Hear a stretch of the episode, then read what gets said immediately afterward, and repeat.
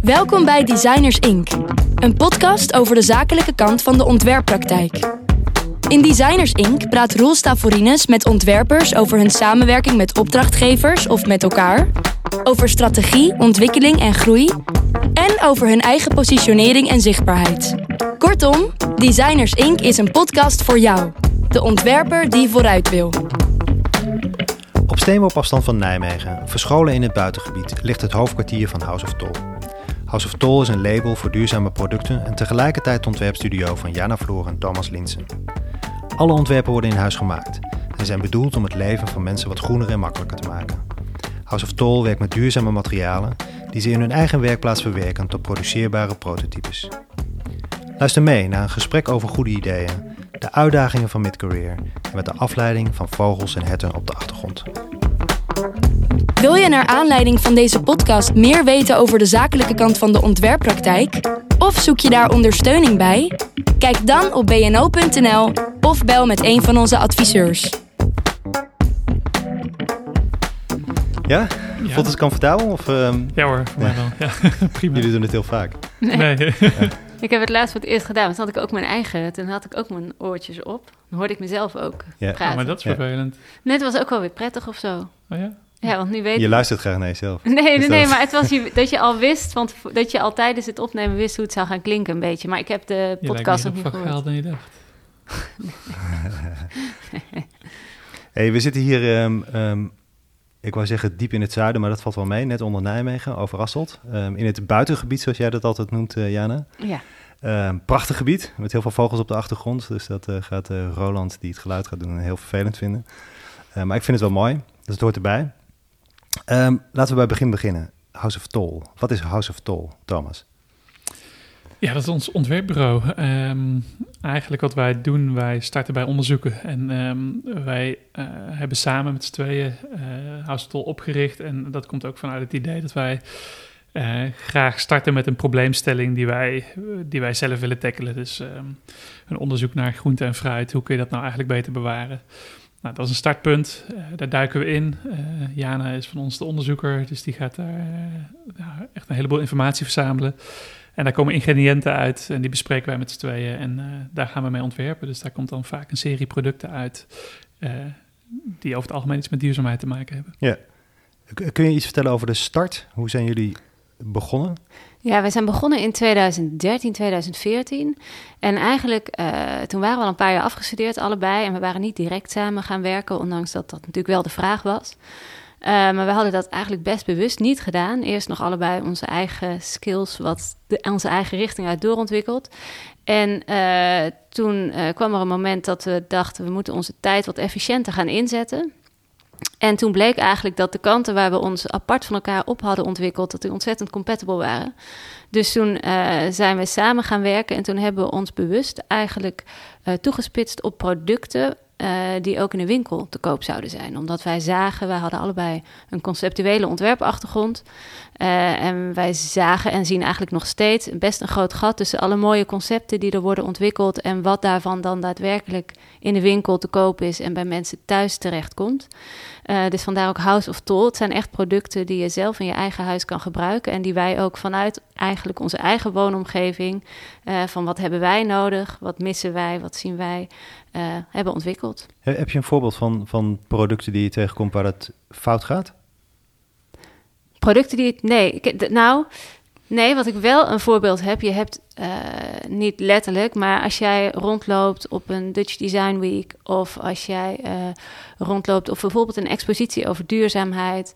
dan eh, zijn dat allemaal fantastische concepten en hele mooie ideeën. Alleen er mist een vertaalslag naar de realiteit. Ja. En dat maakt het heel zonde, want daardoor is het dan ook denken mensen: oh, maar het is toch, er worden duurzame dingen ontworpen. Het gaat toch goed, het is toch een soort van af, het gaat de goede kant op. Maar uiteindelijk zijn dat duurzame dromen, want uit, er wordt zo weinig mee gedaan. Ja, blijft eigenlijk op de tekentafel. Ja, er wordt, Ja. blijven zoveel kansen liggen. En dan een bedrijf die gaat ook bijna verder. Dus een bedrijf die investeert in een onderzoek met een ontwerper om een duurzame tak te onderzoeken. En dat presenteren ze in een expositie, maar dan stopt het. Ja. En dat denk ik, ja, maar dat is dus het punt dat je het realistisch moet gaan maken. Wa- wa- wat, eh, wat gaat er mis? Ehm, is, dat, is dat ambitie? Is dat ehm, het doorzettingsvermogen? Is dat focus op het verkeerde? Dus wel het Het- begin, maar niet het realisatie. Ik denk eerder de focus op het verkeerde. Want, ehm, of, of misschien niet eens het verkeerde, maar eh, een materiaalonderzoek is hartstikke mooi.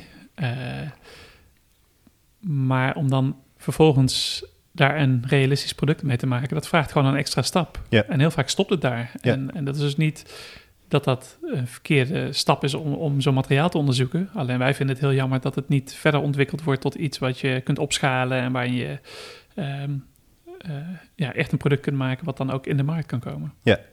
Eh, Janne, je zei ehm, dat je op een gegeven moment erachter kwam dat jullie eigenlijk heel complementair waren. Ehm, was er een bepaald moment waarop je dat tot dat inzicht kwam?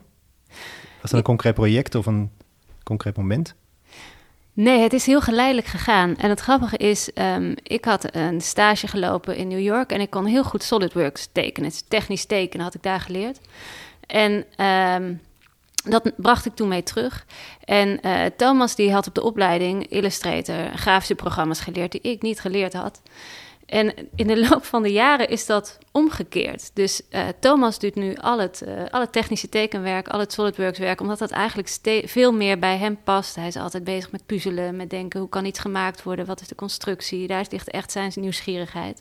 En ik doe al het grafische werk, want daar ligt echt mijn liefde ook voor dingen. Dus ik maak alle verpakkingen, ik doe alle presentaties. Dus ik doe eigenlijk alles nu eh, op die programma's. Maar dat is een heel praktisch ding. Maar wat we ook merken, is mijn nieuwsgierigheid ligt op eh, waarom doen mensen wat ze doen? Hoe gebeurt dat op een andere plek in de wereld? Ehm, nou ja, waarom is een product zoals het is? Ja. En Thomas' nieuwsgierigheid ligt op, maar wat voor materiaal is het? Waar komt dat vandaan? Hoe wordt dit product gemaakt? Dus dat zijn al twee echt, nou ja, nieuwsgierigheden die elkaar opvolgen, die Ja. heel logisch zijn samen. Wat, wat is de start ehm, van, ehm, ik wou vragen een ontwerpproces, maar, maar misschien is het wel meer een productidee of wat is eigenlijk de start? Ja, eigenlijk is dat over het algemeen een, een, een probleemstelling of een, eh, een onderzoeksvraag die we hebben. Die je zelf Ja. hebt. Die we zelf hebben, ja. Ja. Het is altijd iets wat wij eh, aan de keukentafel, eh, waar we het over hebben, of gewoon in ons gezin, waar we over spreken en waar we van denken, van, op een gegeven moment denken van, ah, maar misschien is dat wel een nieuw onderwerp voor een nieuw project. Ja. En daar, vanuit die nieuwsgierigheid gaan we dan kijken, oké, maar hoe kunnen we dat aanpakken? En eh, het begint nooit bij een product. Het is, het is eigenlijk nooit zo dat we zeggen van, oh, we gaan nu eens een nieuwe stoel maken. Het, het begint echt met een, ja, die onderzoeksvragen en, en Eerder een probleem of een, ja, een probleem of een, eh, of, of een vraagstuk waar we mee zitten van kunnen we daar iets mee? Ehm, nou ja, zoals ik in het begin al zei, eh, groente en fruit, hoe kun je dat nou beter bewaren? Ja. Dat is een duidelijk voorbeeld omdat we daar ook een serie producten mee gemaakt hebben. Ja, vanuit die vraag starten we, omdat we daarbij ook denken van oké, groente en fruit, eh, eh, verspilling, dat is iets waar wij als consument ook iets aan kunnen veranderen. Ja. Dus je, je, je kunt veel groter gaan denken en ehm, wereldproblemen proberen op te lossen. Eh, maar wij als ontwerpers willen juist blijven bij, de, bij hetgeen wat wij ook, waar we daadwerkelijk invloed op hebben. Ja. Eh, en vandaar dat dat eigenlijk meestal juist de dingen zijn die je in een gezin kunt doen. Wat kun je als gezin bijdragen aan een beter milieu of aan een ja, betere manier van leven? En eh, nou ja, goed, het is zo'n vraagstuk denken we van, oh ja, daar kunnen we echt iets mee en daar kunnen we een verschil mee maken. En dan starten we. En, en, en hoe, hoe ga je dan van start? Is dat met z'n tweeën of is, begint de een en volgt de ander? Nou, we beginnen vaak samen inderdaad met, goh, ja, hoe zit dat eigenlijk? Dat, dat is een vraag die we samen hebben. En dan ben ik meestal degene die begint met het verzamelen van informatie. En dat gaat dan alle kanten uit. Dat gaat dan eh, bijvoorbeeld bij het, eh, het onderzoek naar hoe je fruit en groente beter bewaart. Gaat dat naar, goh, wat zijn de industry standards per fruitsoort, per groentes, groentesoort? Wat zijn de uh, biologische processen die meespelen met het uh, nou ja, raken van, van vruchten? Hoe bewaarden we vroeger fruit en groenten? Hoe doen ze dat in andere landen? Welke oplossingen zijn er al? Dat, die, al die informatie die verzamel ik. Dan ben ik echt een informatiehoorder. En daar komt een soort van verhaal uit. En dat probeer ik dan hapklaar weer door te geven aan Thomas. En, en dan gaan we samen sparren van oké, nou als dat zo is, als dit de parameters zijn, dit weten we bijvoorbeeld voor fruit en groenten, um, rijpende vruchten stoten etheen, ethyleen uit. En dat zorgt dat andere vruchten in de omgeving meerijpen. Nou, dat is iets dat je pakt. Dus dat wil je apart houden. Ja. Vruchten uh, worden graag op een koele en donkere plaats bewaard, maar voor heel veel vruchten is de koelkast te koud. Uh, die zouden liever in een kelder bewaard willen worden, maar ja, kelders hebben we niet meer. Weet je, dat zijn dan allemaal van die uh, nou ja, dingen die je pakt. En ook eigen ervaringen. Wat wij meemaken is dat we vaak, als we fruit en groenten ergens bewaren waar je het niet ziet, waar het niet opvalt, dat je vergeet wat je hebt. Dus al die dingen pakken we elkaar. Dus van heel groot naar heel klein eigenlijk. En daar maken we dan een, eh, een, product mee. Maar het is dus nooit vooraf dat we bedenken van we gaan een fruitschaal maken. Nee. Het is echt gaandeweg komen dus dit soort dingen naar voren. En ehm, ja, eh, nu is het ook een serie producten geworden. Waarvan we dan een aantal direct hebben uitgebracht. Omdat die zich daarvoor leenden. Of omdat we merkten dat daar heel veel vraag naar was. Ja. Maar andere producten die staan nog wel op de korrel. En die willen we heel graag uh, gaan uitbrengen. Dus dat, daar zit ook heel veel rek nog in. Je noemt het woord vraag. Dat is wel interessant. Daar zat ik over na te denken van uh, in hoeverre is de markt daar een belangrijke factor in? Waar, waar, waar begin je daarover na te denken? Nou, het, is, het begint met dat onderzoek en daar op een gegeven moment komen daar, uh, komt daar een serie producten uit. En die uh, serie producten die hebben we tentoongesteld. Um, en dan begin je dus, het, dan laat je het zien aan het publiek. En dan merk je dus dat daar uh, enthousiast op gereageerd wordt. Um, nou, dus in de, in de serie was eigenlijk de Patra Magna de, eigenlijk een soort van grote fruitschaal 2.0 die, uh, waar mensen heel goed op reageerden. Dus toen ze, hebben we besloten van oké, dan gaan we in eerste instantie daarmee beginnen. Um, en gaan van daaruit het verder uitbreiden. Um, uh, maar goed, dus, ja, dus doordat je het aan het publiek laat zien en uh, doordat mensen het gaan ervaren, dan krijg je de feedback en, ja. en weten wij wat, wat een eerste goede stap zou kunnen zijn. Er spreekt een heel groot um, geloof uit of vertrouwen uit van het eigen idee of van uh, zeg maar de vraagstelling die je gedropt hebt en waar je een antwoord op gevonden hebt. Um, en, het, en het idee dat daar dus blijkbaar ook een markt voor is of dat mensen daarop zitten te wachten. Of... Nou, wat wij merken is dat wij, omdat wij zulke alledaagse problemen eigenlijk tackelen. En dat checken we wel hoor. We checken wel even met vrienden van, goh, heb je dat nou ook? Of, uh, dus, en heel, wij, wij, tackelen, wij zijn echt met die hele praktische dingen bezig. Waar heel veel mensen van, oh ja, nou ja, het is inderdaad lastig om met een paar bloemen een mooi boeket te schikken. Of, oh ja, ik laat ook altijd de planten doodgaan. Ja. Weet je, heel veel mensen herkennen dat soort dingen. We maken dingen net iets makkelijker. En daar zijn vaak toch wel veel mensen voor te vinden die ook diezelfde problemen hebben. Ja. en dus met Waterworks dan ons eerste product is het eigenlijk ook zo. Hè? Dus uh, ik zei gisteren nog tegen Jana, was ik... Uh, al die Waterworks bollen weer aan het bijvullen. Ik zei, ja, we zijn ook echt slecht eigenlijk met planten. Ja, beschrijf even Waterworks. Ja, Waterworks is een uh, terracotta staak die je uh, in de aarde bij een plant uh, steekt. En terracotta is poreus van zichzelf en daardoor laat het heel geleidelijk water door. Ja. En zolang de grond ehm, in een pot droog is, dan, dan gaat het water, gaat, die, gaat het terracotta het water afgeven. Maar als het, uh, de grond verzadigd is, dan kan die het water niet meer afgeven. Ja. Nou, in die terracotta staak zit je een, uh, een, glazen bolletje bovenop, een waterreservoir. En daardoor wordt heel inzichtelijk, oké, als het bolletje leeg is, dan moet ik hem vullen en uh, krijgt mijn plant weer water. Um, nou ja, en wat, dat sturen we dan nog een stukje. Die terracotta staak, die glazuren we tot een bepaalde hoogte. Dus hoe verder die glazuurd is, hoe minder water die afgeeft. En daarmee kun je nog reguleren, reguleren hoeveel water een plant krijgt.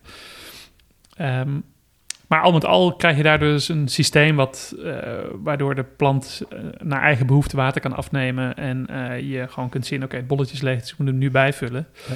Maar wij lieten, lieten, al onze planten doodgaan. Dat, we wilden heel graag planten in huis hebben, vonden we heel leuk, maar dat lukte ons nooit. En dat is eigenlijk een van de redenen geweest om dat product toen te ontwikkelen. En nu, uh, nu doen, ja, we hebben echt superveel planten in huis. Ik, ik zit even om me heen te kijken, ja. staan ze er ook. Het is, het is waar. Dus ze ja. staan overal eigenlijk. En ze staan er. Ja. En, uh, we zijn nog steeds eigenlijk niet heel goed met planten, alleen nee. ze leven wel. Ja, die moet verpot worden. Ik zie er nu eentje die... Uh, het klinkt allemaal heel relaxed. Um, waar zit de zorg?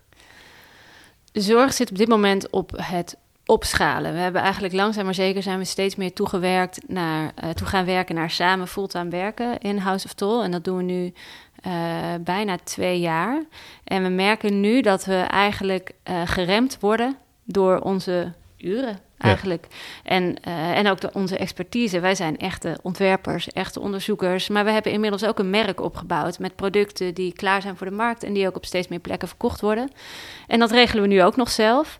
Uh, maar we merken meer en meer dat daar misschien eigenlijk onze expertise minder ligt. Dus die ligt echt bij een product klaarmaken. Ook wel echt helemaal tot aan de markt. Hè. Dus daar pakken wij misschien wel wat stappen extra dan heel veel andere. Uh, ten opzichte van heel veel andere conceptuele vormgevers. Dus we maken echt inclusief verpakking, verkooplijsten. Dat kunnen we helemaal aanleveren. En het verkopen daarvan, dat kunnen we ook wel tot op zekere hoogte. Maar we hebben gewoon niet de uren in de week om alles maar te blijven doen.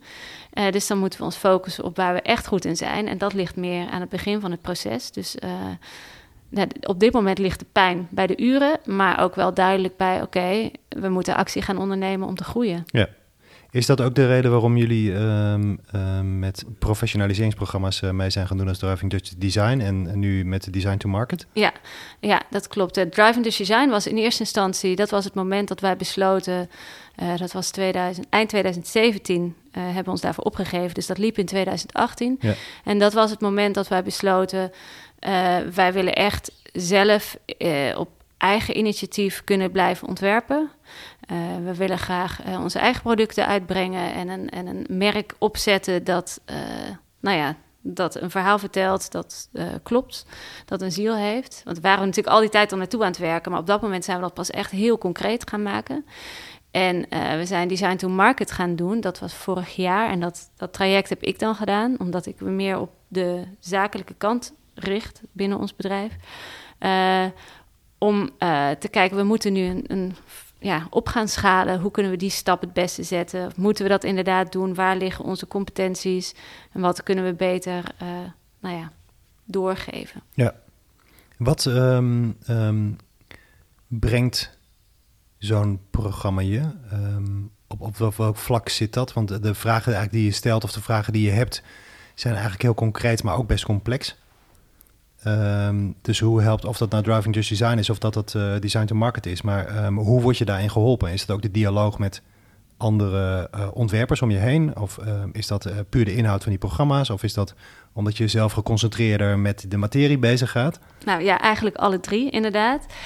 wat heel belangrijk is vooral, is dat je even gedwongen wordt om uit je dagelijkse to-do-list ja. te komen en echt eventjes daaruit te stappen en die macro-blik op je eigen onderneming te hebben. Ja. En dat in combinatie met echt hele goede trainingen die in allebei de programma's ook zitten. Dus uh, Design to Mar of Driving the Design hebben we samen gedaan. En er zaten echt... Kijk, wij waren eigenlijk bij Driving the Design en nu bij Design to Market... Um, zijn wij een beetje de senioren in, in het traject. We lopen al wat langer mee. We hebben al veel dingen ervaren. Dus we lopen voor op mensen die dat doen nadat ze, die dat net nadat ze zijn afgestudeerd. Maar tegelijkertijd hebben wij dus ook een bodem waar heel veel dingen opvangen qua kennis en qua ervaring. Dus zo'n uh, masterclass bijvoorbeeld, die gaat over uh, identiteit bij uh, Driving the Design, of een masterclass bij Design to Market, die gaat over persoonlijk leiderschap. Die vallen op heel veel ervaringen en die zijn dan bijna nog waardevoller dan wanneer ik ze tien jaar geleden had gedaan. Ja. Um, ik, heb, ik heb een beetje um, Freek voor de voeten gelopen. Freek is mijn um, soulmate in deze podcast. en Freek is van de BNO. En die had een aantal vragen over die professionaliseringsprogramma's. maar een vraag die hij ook stelde was... waar heb je behoefte aan, aan in het ontwerpveld? Misschien niet aan, per se in dit soort professionaliseringsprogramma's... maar ook in uh, designers communities, zoals uh, de BNO is... Um, is er iets wat je mist, wat, je, wat, je, wat, wat bijvoorbeeld een BNO zou kunnen invullen of um, wat je nu nog niet terugziet? Nou ja, dat, uh, misschien ook vooral vanuit onze praktijk, maar die, die schakeling van uh, hele goede ideeën hebben uh, en, en daar best iets mee verkopen, maar naar een stap dat je personeel gaat aannemen en um, moet opschalen om, om door te kunnen gaan. Dus dat ja. je echt in die spagaat komt te zitten ik heb niet idee dat daar nou um, heel veel uh, uh, ondersteuning in uh, geboden wordt. En dat, dat, zou natuurlijk heel erg welkom zijn. Maar dat is misschien ook omdat wij nu juist in die spagaat zitten... dat we daar ja. dan op dit moment behoefte aan hebben. Ja. Kijk je ook buiten die design community? Want ik kan me voorstellen, dit zijn ook allemaal vraagstukken die... Um, natuurlijk heel erg met bedrijfsvoering te maken hebben. Um, ja, past dat per se bij de designers community, is dat nou per se hun DNA? Vraag me opeens af. Nee, we kijken daar steeds meer ook buiten inderdaad. Ehm, dus in eerste instantie uh, met die programma's die we dan wel gedaan hebben, daar is, de, is het heel fijn dat ook die focus op het ontwerpen zit. En ehm, uh, dat is ook echt een belangrijk stuk van ons bedrijf. Dus we zijn zeker niet alleen maar een bedrijf die producten verkoopt. Dat is een hele stap voor en daar hebben we heel veel aan aan die uh, ontwikkelingsprogramma's. Maar inderdaad, voor deze stap die we nu aan het maken zijn, denk ik dat het ook heel goed is om daar buiten te kijken. Ja. ja. Maar tegelijkertijd denk ik dat de designwereld ook wel een specifieke wereld is. En in die zin, wat wij natuurlijk tegenkomen, is wij zijn mid-career eigenlijk. Uh, dus wij zijn niet meer, kijk, we hebben ons in die Talent Accelerator programma's uh, weten te frutselen. Maar eigenlijk, nou ja, waren wij oud. Maar er zou, het is best heel waardevol. super oud, ja. Super, nou ja, voor die programma's. Ja. Het is super waardevol om wel ook juist mid-career mensen weer even op te vangen. Want er zijn zoveel, zijn best veel talentontwikkelprogramma's. En uh, dan ben je eigenlijk pas net van de academie. Dan zijn er allerlei subsidies die je aan kan schrijven. En dat is hartstikke mooi. Dat moet ook zeker zo blijven. Maar er zit op een gegeven moment na je dertigste, na je 35ste, dan gaan er ineens hele andere dingen spelen. Andere verantwoordelijkheden. En hoe pas je dat nou in in een creatieve uh, business? Want dat, dan is ook het moment dat je eigenlijk de verschillen krijgt tussen de mensen die in de creatieve, creatieve wereld werken en uh, in de gewone wereld voor een baas werken en iedere maand een salaris krijgen. Dat is eigenlijk wanneer echt de verschillen um, nou ja, zichtbaar worden, omdat je wel bepaalde verantwoordelijkheden deelt. Maar bijvoorbeeld als je creatief ondernemer hebt, niet per se uh, die baas die iedere maand je salaris openmaakt. En dat kan best wel pittig zijn. Nou, wat me nu opvalt in hoe je daarover praat, is dat is die enorme verbondenheid um, van aan de ene kant de persoon, aan de andere kant het bedrijf. Als je het over mid-career hebt, uh, gaat het ook heel erg over, over jullie als ontwerpers en met een bepaalde ervaring. Maar dat zegt nog niks over de volwassenheid van je bedrijf, zeg maar. Ja, dat klopt. En um, dat zit natuurlijk bij jullie heel erg vervlochten, maar eigenlijk door de manier waarop je erover spreekt, denk ik van dat is eigenlijk misschien wel een soort van crux bij heel veel creatieve ondernemers, zoals je het ook noemt. Um, omdat ze het bedrijf zo lastig los kunnen zien van de persoon en persoonlijke visie. En, uh...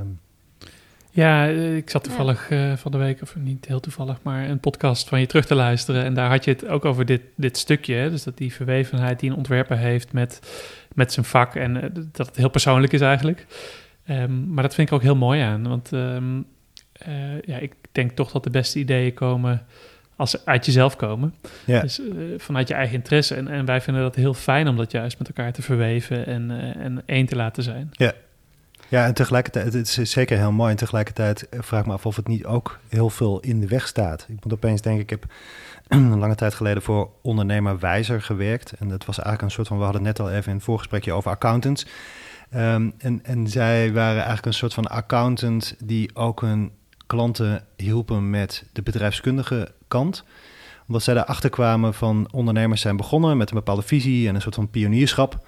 En um, um, zo'n ondernemer heeft dat vooral in zijn systeem zitten. Dat wil hij graag. En op een gegeven moment wordt zijn bedrijf groter en dan moet hij gaan managen. En daar is hij eigenlijk niet de persoon voor. Maar om dan die stap opzij te zetten of om te kijken naar je bedrijf en te weten wat goed voor je is. Uh, en ook weer de rol te nemen waar jij in je kracht staat. Dat is natuurlijk een enorme uitdaging. Ja, dat, maar toevallig ja, zei Jana dat is precies waar we nu mee bezig zijn. Ja, Jana zei gisteren tegen mij, misschien moeten we het ook wel inderdaad echt loskoppelen. En zeggen de, het onderzoekstraject, het beginstuk, hè, waar wij de concepten ontwikkelen, dat we dat apart gaan uh, doen van uh, het stuk wanneer de producten af zijn. Dus uh, op een gegeven moment hebben wij gewoon producten die verkocht moeten worden. Ja.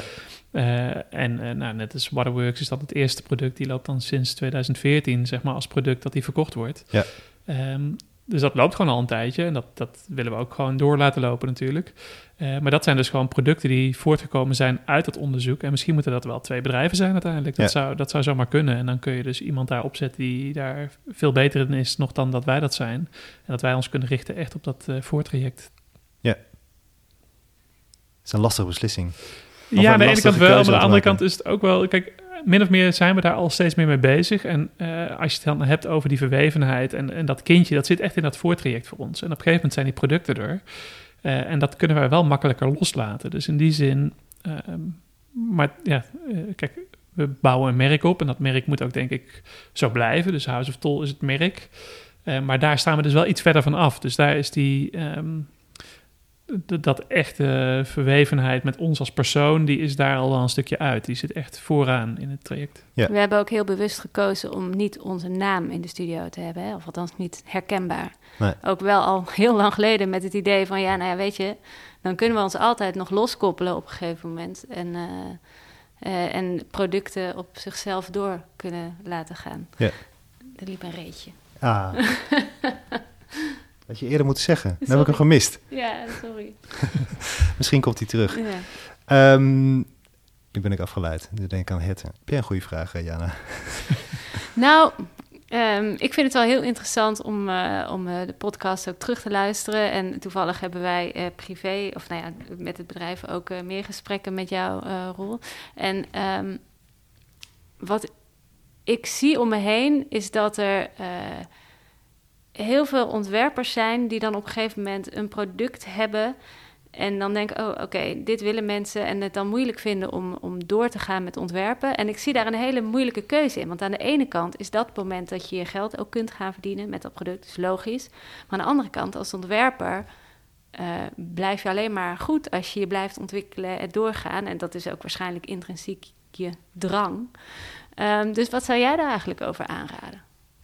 Ehm, dat is een put on the spot. Ehm, nou, ik denk dat het heel persoonlijk is. Ehm, ik denk wel dat het, dat het verstandig is om zeg maar de persoon en het bedrijf uit elkaar te trekken. Bedenk ik net eigenlijk door, door wat jij daarover zei. En daar zit een. En, en goed uit te vinden waar je je plezier uithaalt en waar je kracht in zit en waar je het beste tot zijn recht komt. Ehm, en omdat het zo persoonlijk is, is het ook heel lastig om daar anderen in toe te laten. Eh, iemand die iets meer business sense in hun systeem hebben zitten, zeg maar. Dat zie je bij heel veel ontwerpbureaus eh, die dat lastig vinden. Ehm, terwijl het echt een andere competentie is, een andere kijk is. Eh, veel ontwerpers ook die, die het vooral heel leuk vinden om creatief bezig te zijn en, en het moeilijk vinden om erop uit te gaan om nieuw business binnen te halen. Dat is ook een andere competentie, is een andere kijk. Ehm, en wat ook de hele tijd in mijn hoofd rondzinkt is, ehm, en ik weet niet zo goed of dat relevant is, maar ehm, motivatie en drive. En dat komt een beetje door waar we mee begonnen in het gesprek. Waar je eigenlijk constateerde van er worden heel veel producten door ontwerpen, eh, ontwerpers bedacht, of eigenlijk eerder concepten bedacht, die, eh, die voor een soort van betere wereld zijn.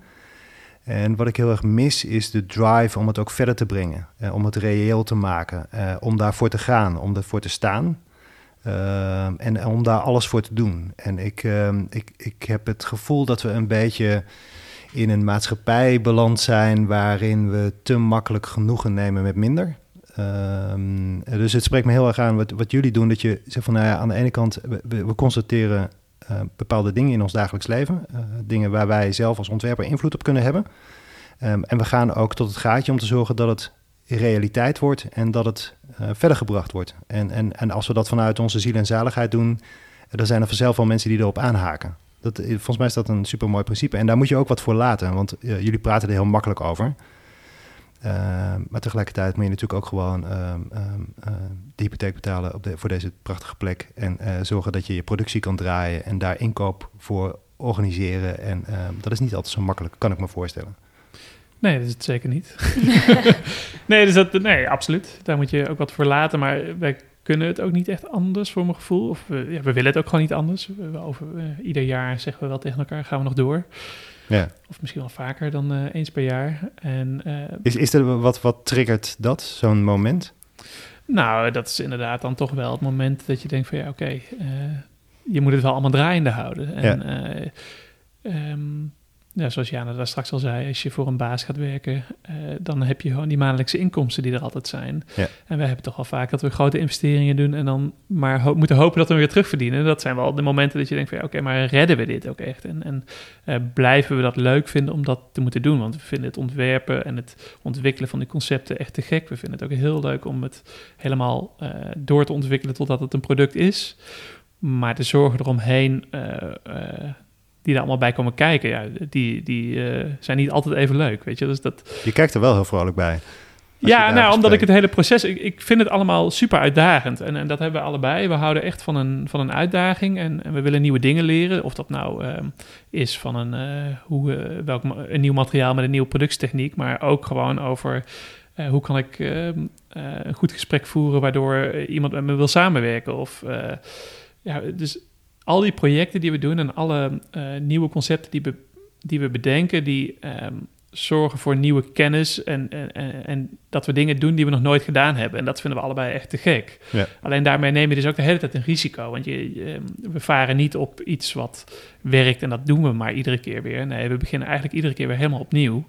En min of meer, eh, er zijn genoeg eh, ondernemingen die starten met een idee en dat dan 30 jaar doen, dat idee groter maken en verkopen. En uh, nou, het eerste wat de te binnen schiet is bijvoorbeeld de, de dopper, weet je wel. Dat is een product, hartstikke mooi product. En dat is het ook waard hoor, maar daar zit dan de volle focus op en er komt geen nieuw product bij. Nou, dat zouden wij niet zo kunnen in die zin dat wij, uh, of ja, misschien komen er wel producten bij, maar eh, weet je, voor mijn gevoel is dat een soort van de dobber waar ze, waar ze op drijven. Um, uh, en maar wij... dan, gaat het toch ook weer over motivatie, want dan uiteindelijk gaat het er niet om dat je eigenlijk wat jij net ook zei, um, dat je je creativiteit gebruikt om ook andere problemen aan te gaan binnen datzelfde domein of datzelfde thema. Maar dat je genoegen neemt met dat ene product waar je op eh, kapitaliseert, bij wijze van spreken. Dat is een andere drive. Dat is een andere drive, ja. En, en, en dat is, daar is absoluut niks mis mee. Hè? Dus dat is helemaal niet dat ik dat als een verkeerd ding zie. Alleen bij ons zit die drive erop dat wij het heel leuk vinden om nieuwe dingen aan te pakken. En, en telkens te ontwikkelen en door te gaan en weer opnieuw die puzzel op te gaan lossen. Dat, dat, dat is hetgene wat ons drijft om te doen wat we doen. Ja. En is dat ook hetgene wat dan maakt dat je toch besluit om verder te gaan? Ja, dat denk ik in zekere zin wel. Ja. Ik, zou, ik zou daar echt heel moeilijk afscheid van kunnen nemen. Ja. ja. Ik ben toch nog benieuwd naar wat is dan die trigger? Hè? Want uiteindelijk is dit gewoon, eigenlijk zou je zeggen, business as usual. Hè? Om al die ballen tegelijkertijd in de lucht te houden. En de ene is een zorg en de andere is een kans. En uh, dat loopt de hele tijd naast elkaar. En bij jullie, um, nou, wat je net zelf ook al zei, is het ook een gesprek aan de keukentafel. Mm -hmm. Dus het is eigenlijk business as usual. Um, dit is waar je voor gekozen hebt. Ik moest net toen je sprak denken aan, dat is een mooi zinnetje in het stenen bruidsbed van Harry Mulisch. Lezen mensen niet meer, maar uh, ik wel. Um, en dat zegt uh, iets als, um, um, voelde ik mij maar slechter dan voelde ik mij. En dat is het ook een beetje, weet je, daar zit ook een soort van drive in. Het feit dat je tegen barrières aanloopt en het feit dat je die overwint, maakt ook dat je voelt dat je met iets zinnigs bezig bent. Ja, ja, dat, ja, ja denk ik ook. Ja, ergens wel.